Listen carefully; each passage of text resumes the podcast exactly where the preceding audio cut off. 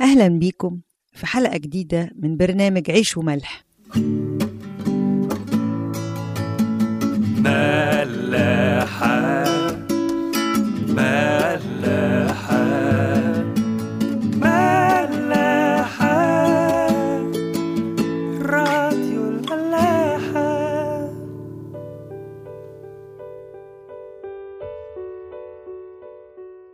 يظهر إن فساد بني آدم فضل مستمر معاهم من أول ما أكلوا من شجرة معرفة الخير والشر علشان يبقوا زي ربنا بكبرياء لحد القصة اللي هنحكيها مع بعض النهاردة. بعد ما جدد ربنا العالم بمياه الطوفان فكر الشعب إنه يبني برج عالي يوصل للسماء يحتموا فيه من قرارات ربنا تجاههم ويهربوا منه ويألهوا ذاتهم ويحتموا فيه ويتمتعوا بالحرية الكاملة. وده على فكرة بيحصل مع كتير مننا دلوقتي. إننا نفكر نحتمي على الأرض بالفلوس والمراكز والنفوذ وناسيين إنه الحماية الحقيقية هي عند ربنا. سفر التكوين إصحاح 11 وكانت الأرض كلها لسانا واحدا ولغة واحدة. وحدث في ارتحالهم شرقا إنهم وجدوا بقعة في أرض شنعار وسكنوا هناك. وقال بعضهم لبعض هلم نصنع لبنا ونشويه شيا فكان لهما اللبن مكان الحجر وكان لهما الحمر مكان الطين. وقالوا هلم نبني لأنفسنا مدينة وبرجا رأسه بالسماء ونصنع لأنفسنا اسما لئلا نتبدد على وجه كل الأرض. الملحوظة الهامة جدا هنا إن كل الشعب كان بيتكلم بلسان واحد ولغة واحدة. يعني فاهمين بعض جدا جدا. ودي الركيزة اللي ارتكزوا عليها علشان يبنوا البرج. كانوا متفاهمين جدا جدا. هم اتجهوا ناحية الشرق فلقوا نهر دجلة والفرات. المكان كان خصب جدا. ولقوا إنهم ممكن يصنعوا من الطين اللبن. طوب لو شووه هيبقى هو الطوب الأحمر اللي بنبني بيه إحنا بيوتنا دلوقتي. ولقوا كمان القار أو الزفت ده بدل الطين اللي كانوا بيبنوا بيه. يعني بدل ما كانوا هيبنوا بالحجر والطين أصبحوا دلوقتي بيبنوا بالطوب الأحمر والقار فطبعا المبنى اللي بيحلموا بيه يحتموا بيه كان هيكون قوي جدا جدا. المشكلة ما كانتش في الفكرة إنهم يبنوا مبنى قوي.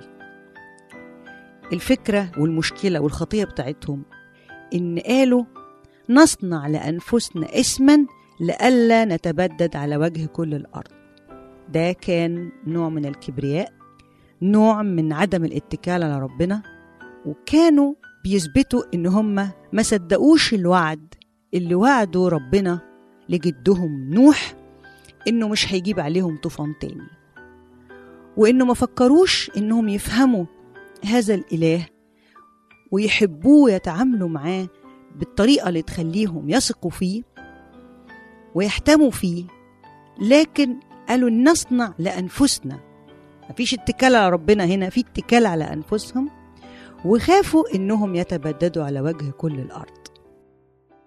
راديو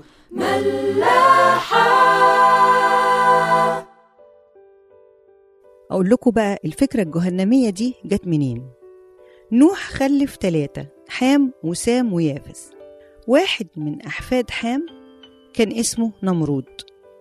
وعلى فكرة الاسم ده إحنا بنستعمله دلوقتي كصفة. صفة النمرود اللي هو مش عاجبه حاجة خالص. يقول لك فلان ده بيتنمرد ده نمرود.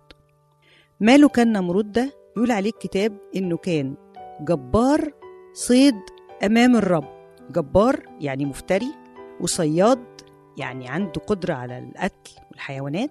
أما كلمة أمام الرب معناها إنه في الاتجاه المضاد للرب يعني الرب في طريق وهو في الطريق المقابل ليه.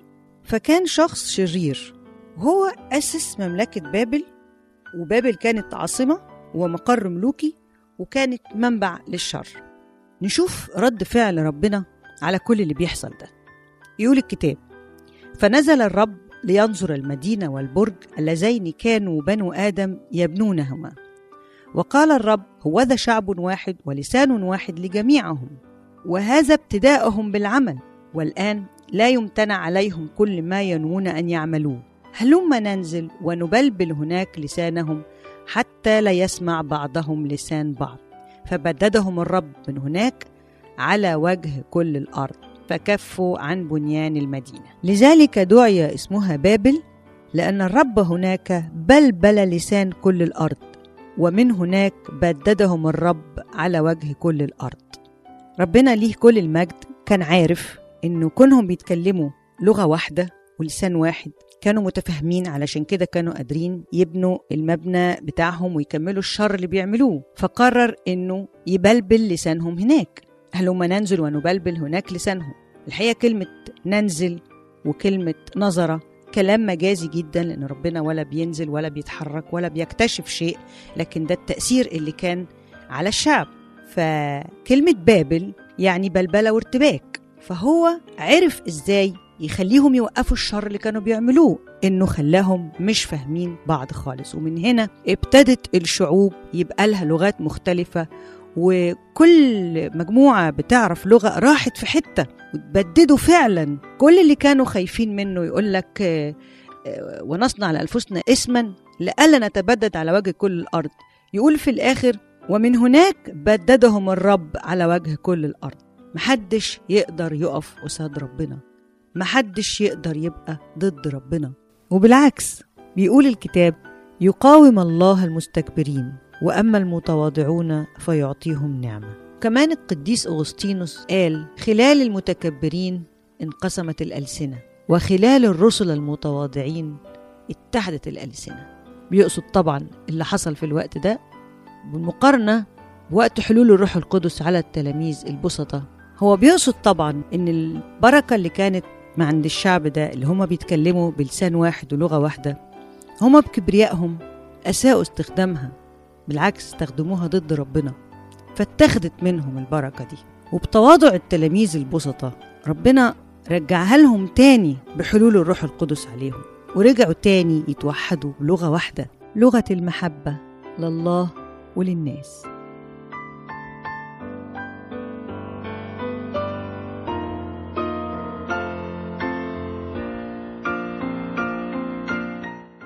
راديو ملاح